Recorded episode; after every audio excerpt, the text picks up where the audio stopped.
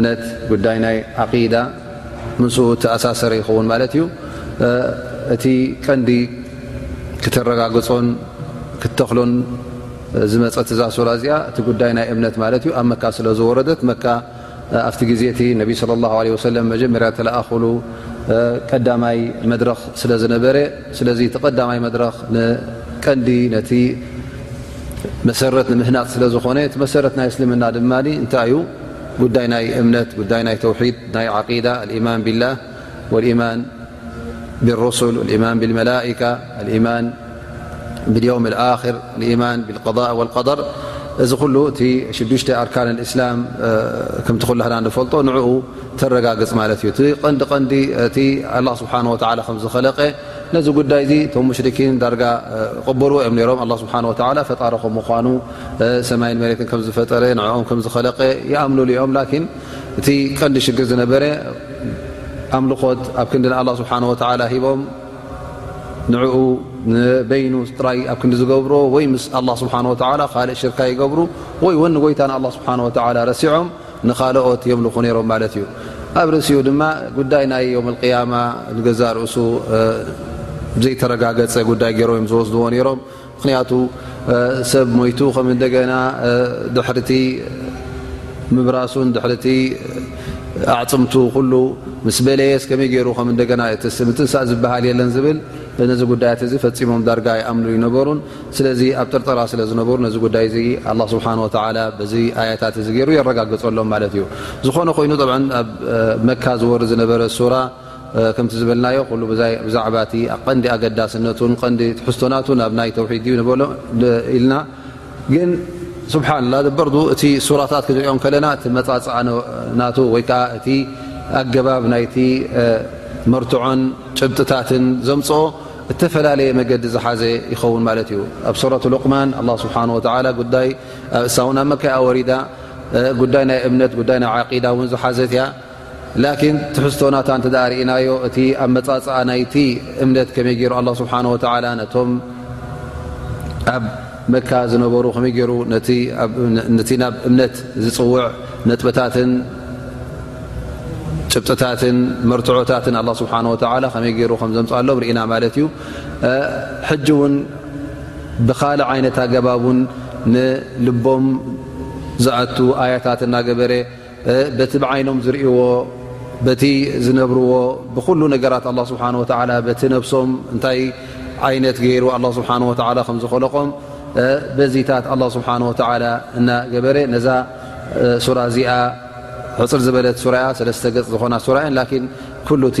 ትሕዝቶ ናይ እዛ ሱራ እዚኣ ኩሉ ኣብ ናይ እምነት ኣብ ናይ ዓቂዳ ናይ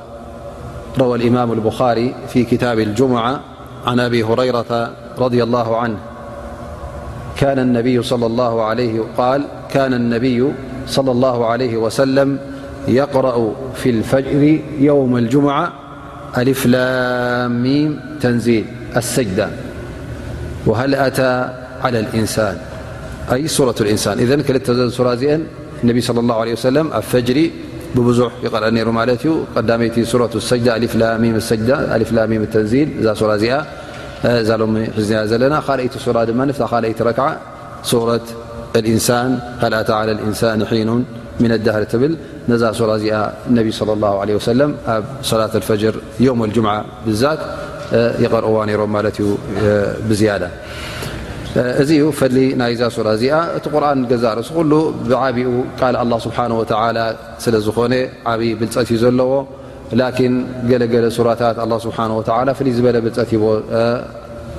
ሱረት ልፋትሓ ኣዕዘሙ ሱራ ኢሎም ነቢ ለ ላ ለ ሰለም ታ ዝዓበታ ዝበለፀት ሱራ ኢሎም ጠቂሶማ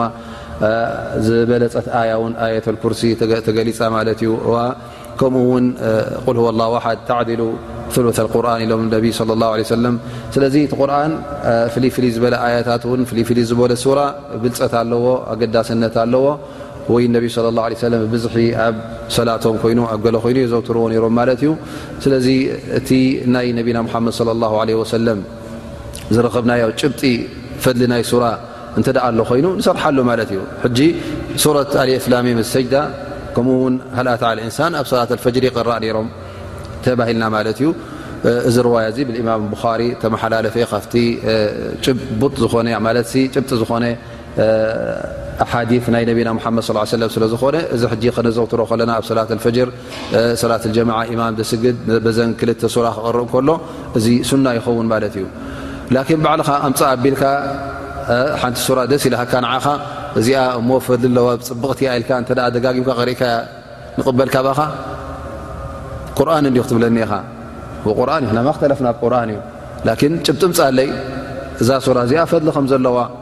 ኣብ ከምዚ ሰዓት ኣብ ከምዚ እዋን ንከምዚ ትቕረኣ እየ እንተ ኢልካኒ መርትዖ ክተቕርብ ኣለካ እምበር ንሕና እቲ ኩሉ ቁርን ኩሉ ቃል ኣላ ስብሓን ወላ ከም ምኳኑ ኩላህና ንቕበሎ ኢና ላን ፍልይ ኣቢልካ እዛ ሱራ እዚኣ እዛ ኣያ እዚኣ ኣብ ከምዚ ትቕረኣ እያ እተ ኢልካኒ ኣነ እንታይ ክብለካ እያ ሽዑ መርትዖ ኣቕርበለይ ደሊል ሃበኒ ደሊል እንተ ኣሎ ኮይኑ መርሓባ ንቕበሎ ማለት እዩ ደሊል እተ ዘየሎ ኮይኑ ግን ባዕልኻ ትመስእኒ ወይ ከዓ ይኸውን ኢልካ ወይ ከዓ ሓዲ ርግፅ ዘይኮነ ሓዲ ዒፍ ይኸውን ወይ ከዓ ካብኡ ታሕቲ ሙንከር ዝኾነ ሓዲ እተ ኣምፅእካ ግን ኣነ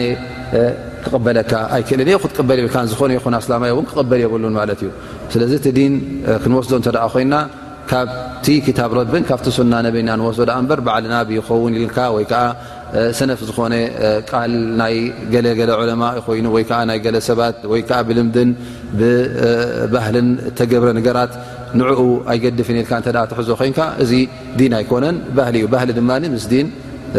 ወላ ሓንቲ ዘራኽብ የብሉን ኣ እቲ ዲን ስለምንታይ ካ ትገብሮ ረቢ ክፈትወልካ ኣጀነ ክትረኽበሉ ፅባሕ ንግ ንክጠቕመካ ኣማ ባህሊ እተ ኮይኑ ባህሊ ነቲ ሰብ ንክፈትወልካ እዩ ናይ ባህሊ ናይ ኣዱንያ ነገር እዩ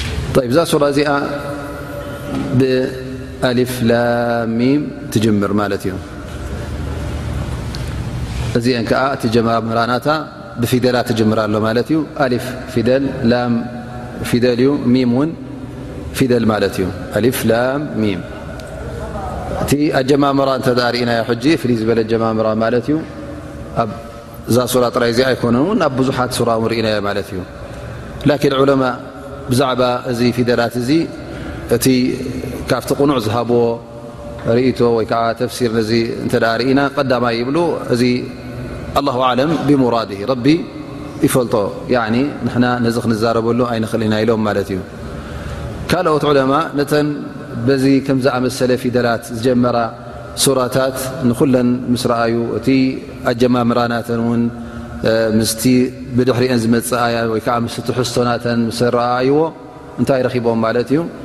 እዚ ኣላ ስብሓን ወተላ ከም ሙዕጅዛ ዩ ገይርዎ ተኣምር ማለት እዩ ነቶም ዓረብ ኣብቲ ግዜ ነቢና ሓመድ ስ ሰለም ዝነበሩ ክእለት ናይ ቋንቋን ናይ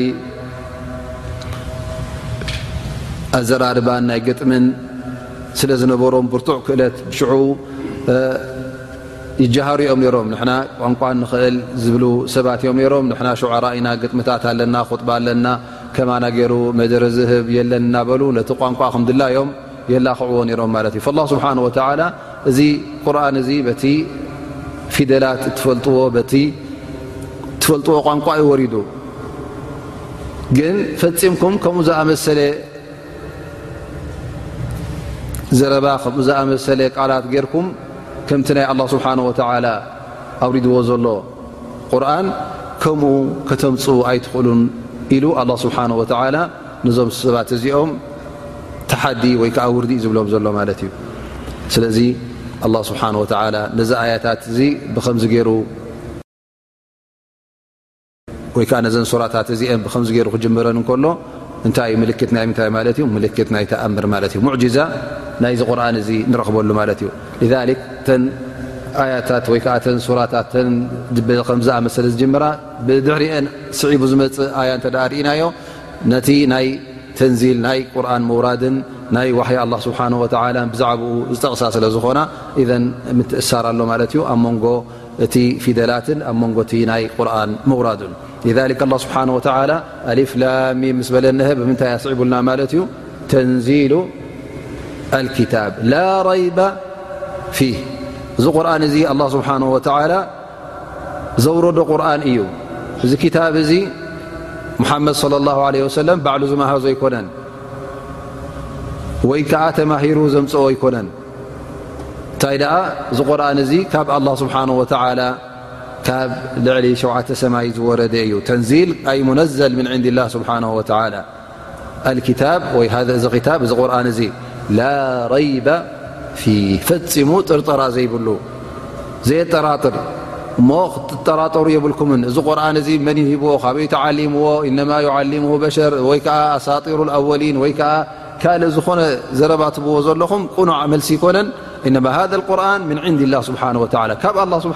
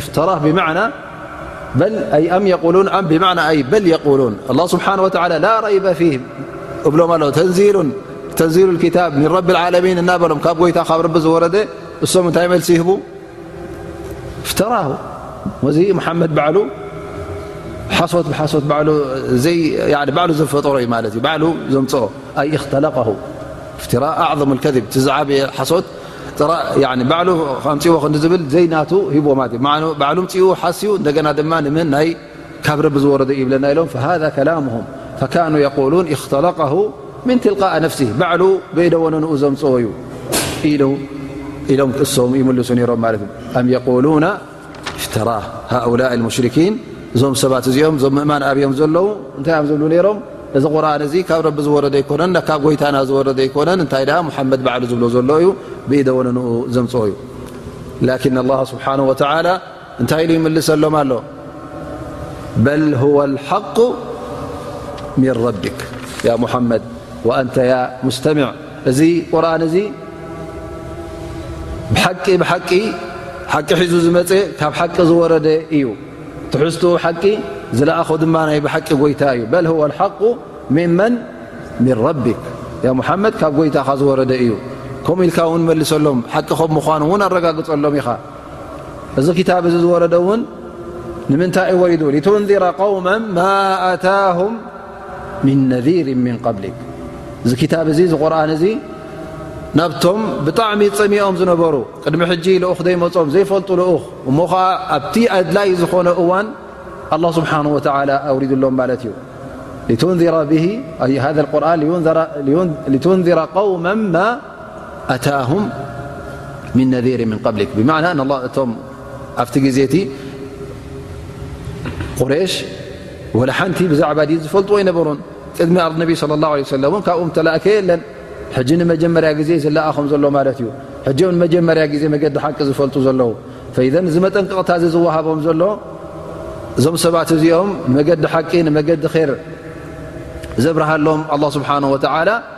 እዚ ክታብ እዚ ውሪዱሎም ማለት እዩ ነዚ ነብይ እዚ ነዚ ልኡኽ እዚ እውን ልኤኹሎም ለዓላሁም የህተዱን እቲ ቐንዲ ሽቶን እቲ ቐንዲ ጉዳይን እውን መልኣኺ ናይ ነቢ ሙሓመድ صለ ላሁ ለ ወሰለም እቲ ክታብ ረቢ ዝወረደሉ ንምንታይ እዩ ምእንቲ መገዲ ሓቂ ሒዞም ንክኸዱ መገዲ ህዳያ ሒዞም ምእንቲ ክኸዱ ካብቲ ጠፊኦሞ ዘለዉ መገዲ ምእንቲ ክምለሱ ኣን ላ ስብሓን ወተላ የወዱ ለሁም ኸይሩ ፈሁወ ኣርሓሙ ራሒሚን ረቢ ኣላ ጎይታ ስብሓን ወተዓላ ብጣዕሚ ይርህርሃሎም ስለ ዝኾነ ነዞም ሰባት እዚኦም ልኡኽ ልኢኹሎም ክታብ ኣውሪዱሎም ምእንቲ ናብ መገዲ ሓቂ ሒዞም ንክኸዱ ካብቲ ዘለዎ ጥፍኣት ምእንቲ ንኽምለሱ ثመ ዩዘኪርሁም ላ ስብሓን ወተዓላ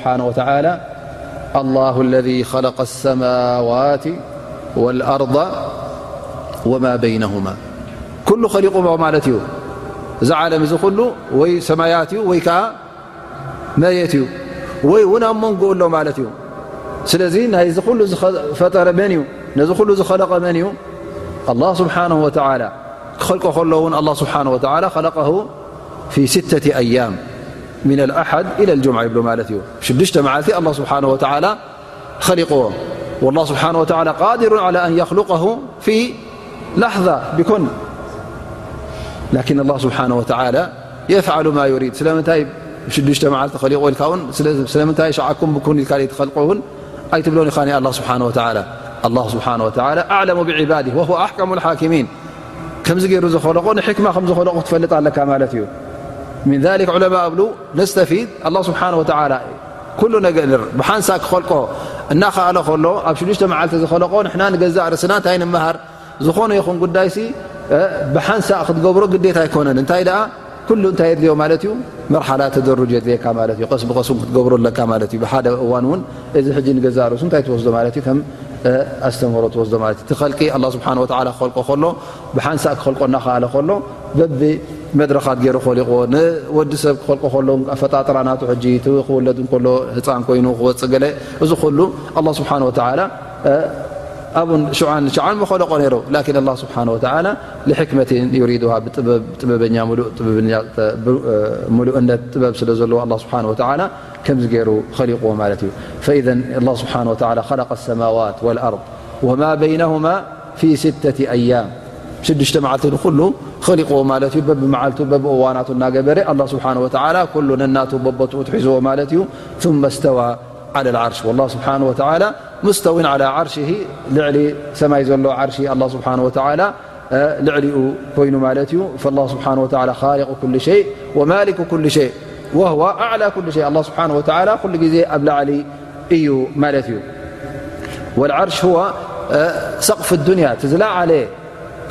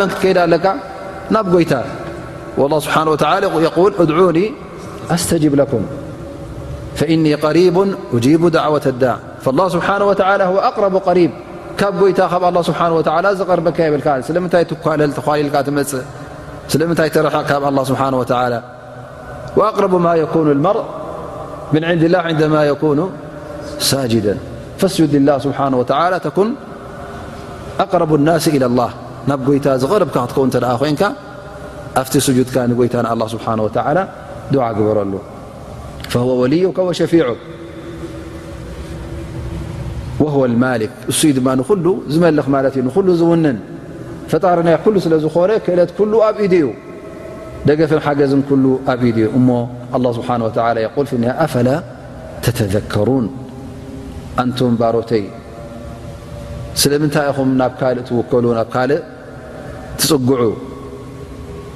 ንዕኡ ገዲፍኩም ስለምንታይ ኢኹም ካብ ካልእ ትደልዩ ቁሉብ እኳ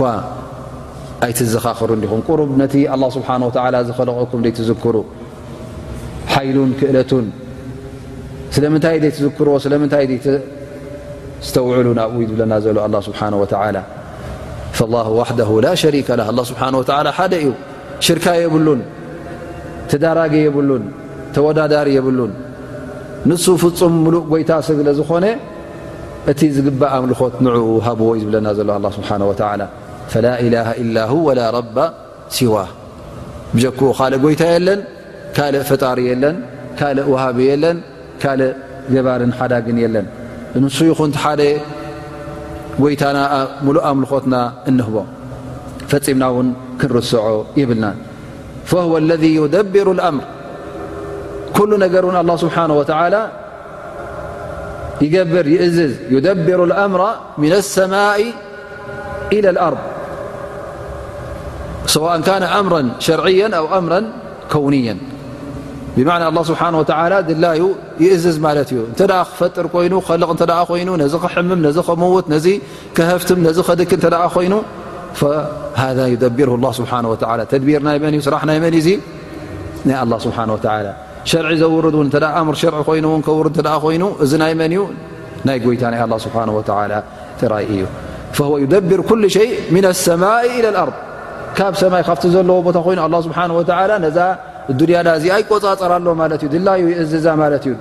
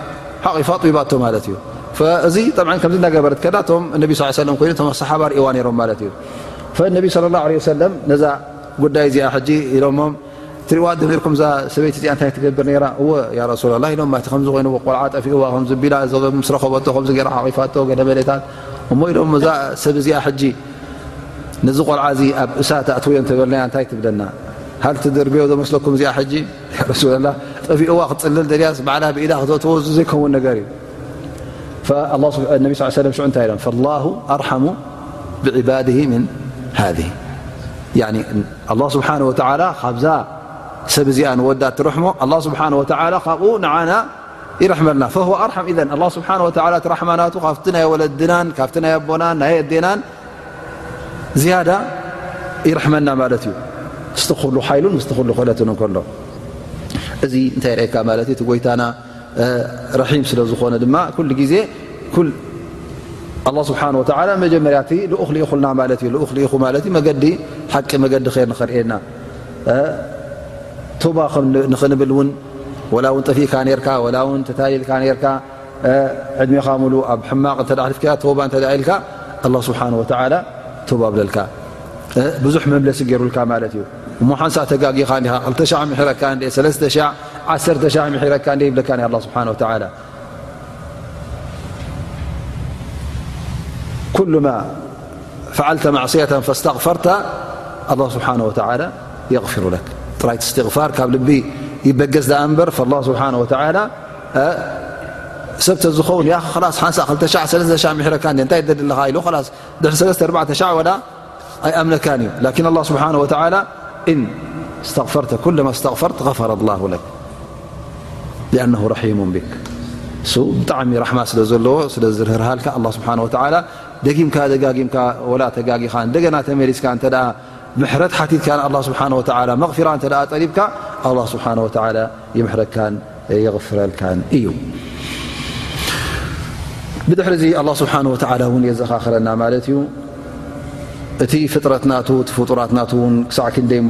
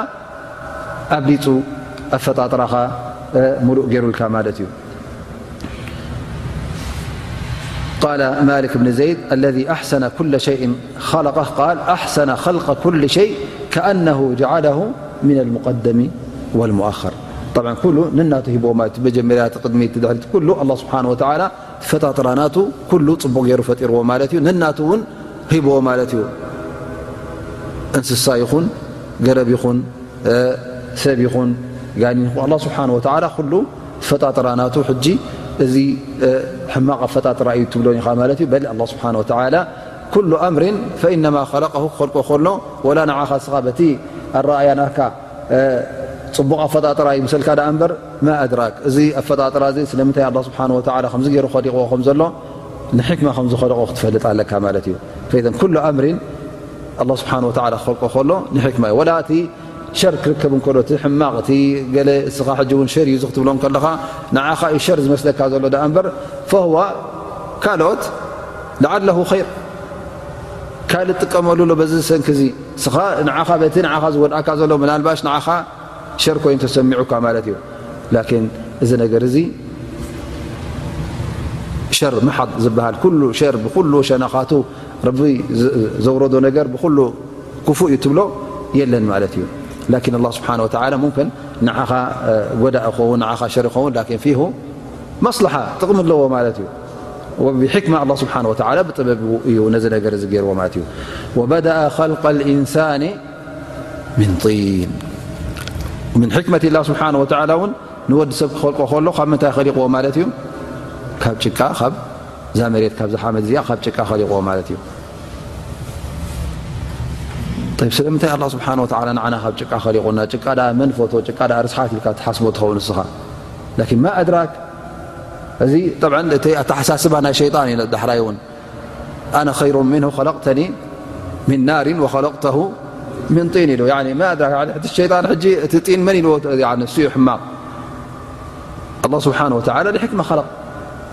ስለዚ እስኻ እቲ ኣላ ስብሓን ወተዓላ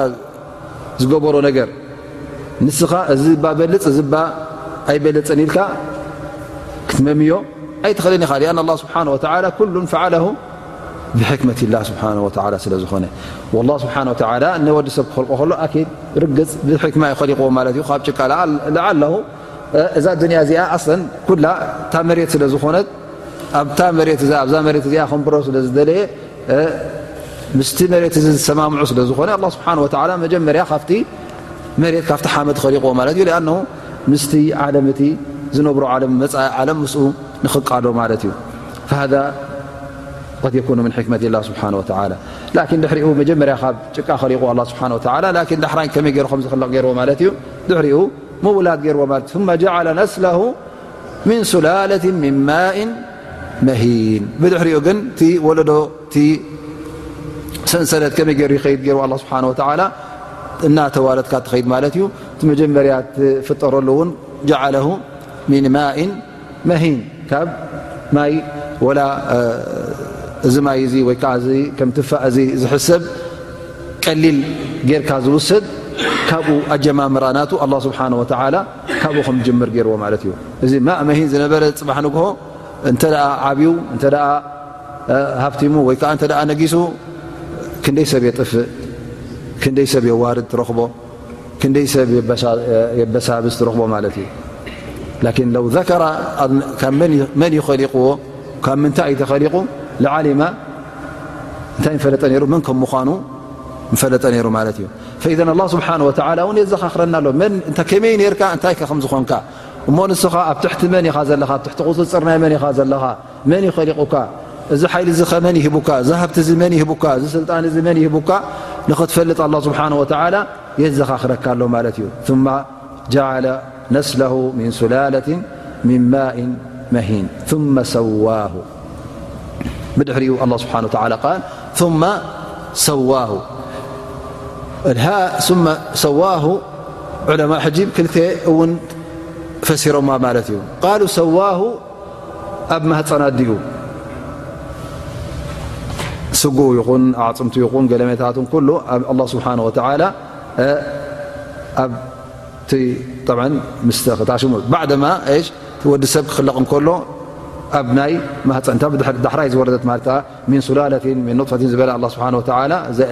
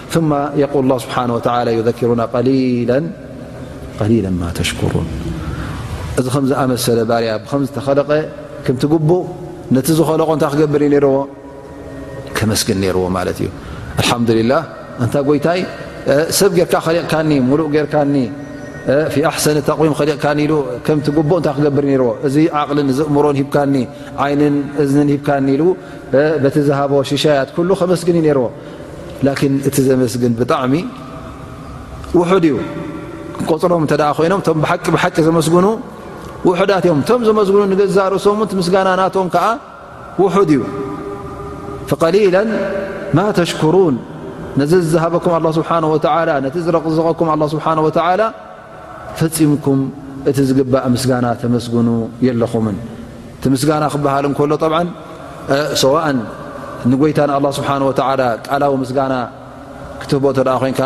እቲ ምስጋና ን እቲ ውደሳ ን ብመልሓስካ ወይ ውን ኻኣይ ዝዓበየ ድማ ኣይናዩ እቲ ተግባራዊ ምስጋና ማለት እዩ እዚ ከምዚ ዝገይሩ ዝኸደቐካ ጎይታ እንታይ ክትገብር ዩ ነይሩካ ኣምልኾት ኩሉ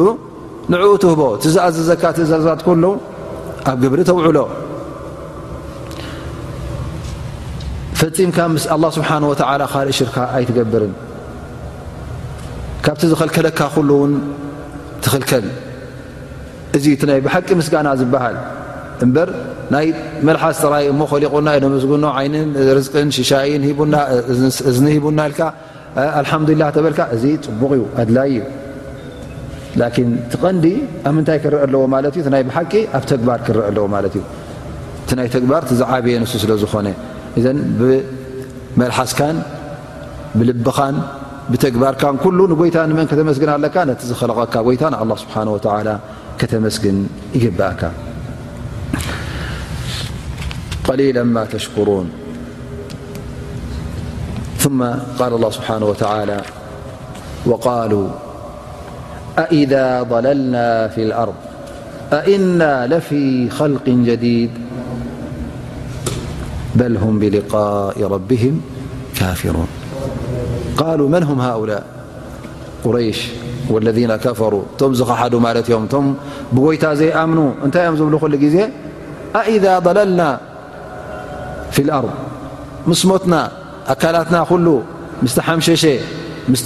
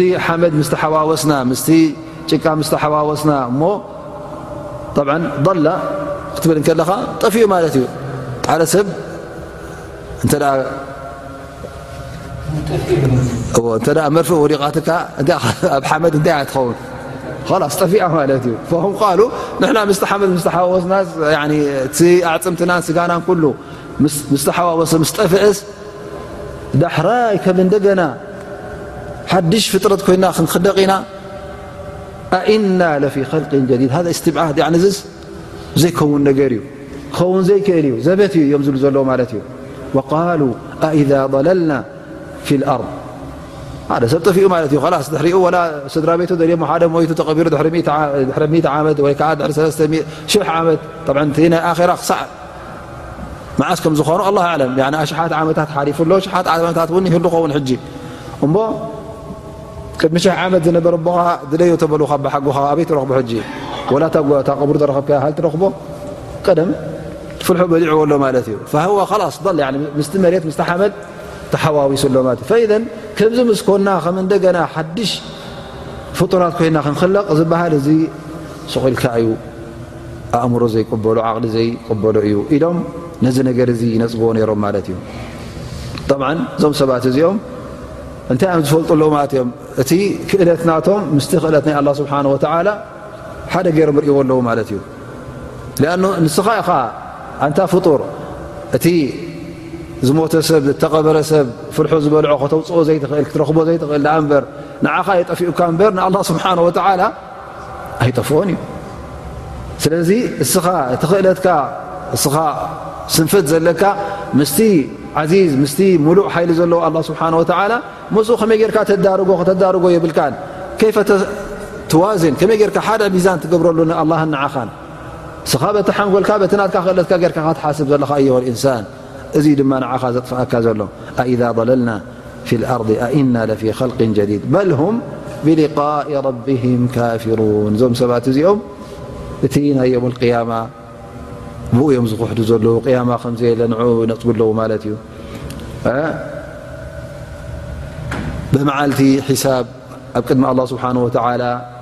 ደው እትብለሉ ሕሳብ ዝግበረሉ መዓልቲ እንታይ እንታይ ፈፂምካ እንታይ እንታይ ኣጉዲልካ እንታይ እንታይ ተጋጊኻ ኣላ ስብሓን ወተዓላ ዝሓተካ እሞ በቲ ዝገበርካዮ እውን ሰናይ እተደኣ ኮይኑ ሰናይ ትረክብ እከይ እተ ኮይኑ ከዓ እከይ እትቕፃዕ እዚ መዓልቲ እዚ ብኡ እዮም ዝኽሕዱ ዘለዉ እዞም ሰባት እዚኦም ነዛ መዓልቲ እዚ ይኣምኑና ኣለውን